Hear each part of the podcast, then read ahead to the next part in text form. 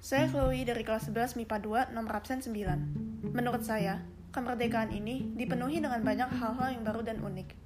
Contohnya, ini adalah kemerdekaan pertama di mana saya tidak merayakannya bersama dengan teman-teman ataupun keluarga besar saya. Tentu saja, saya tetap menjalani upacara, tetapi itu pun hanya secara online. Kemerdekaan yang seharusnya berarti merdeka atau bebas, tetapi pada realitanya, hanya untuk bernafas saja, saya tidak bisa merasa bebas.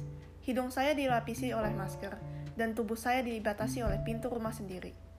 Pandemi ini telah memaksa saya dan banyak orang lainnya untuk tinggal di rumah dan hanya bersosialisasi melalui sosial media. Saya lihat banyak orang-orang menjadi sensitif hanya dengan hal-hal kecil yang dulunya tidak kami hiraukan, seperti gangguan internet, lampu padam, memakai masker, dan sebagainya. Meskipun begitu, bukan berarti kita tidak bebas, atau dalam hal ini, bukan artinya kita tidak merdeka, Merdeka yang saya rasakan sama pandemi ini adalah kebebasan untuk berekspresi. Saya suka melakukan banyak aktivitas, seperti bergambar, bernyanyi, menulis, dan yang lainnya. Jadi inilah waktu saya untuk mengekspresikan diri saya, tanpa takut hujatan atau tatapan orang lain. Merdeka inilah yang saya yang saya alami selama pandemi ini. Terima kasih. Thank you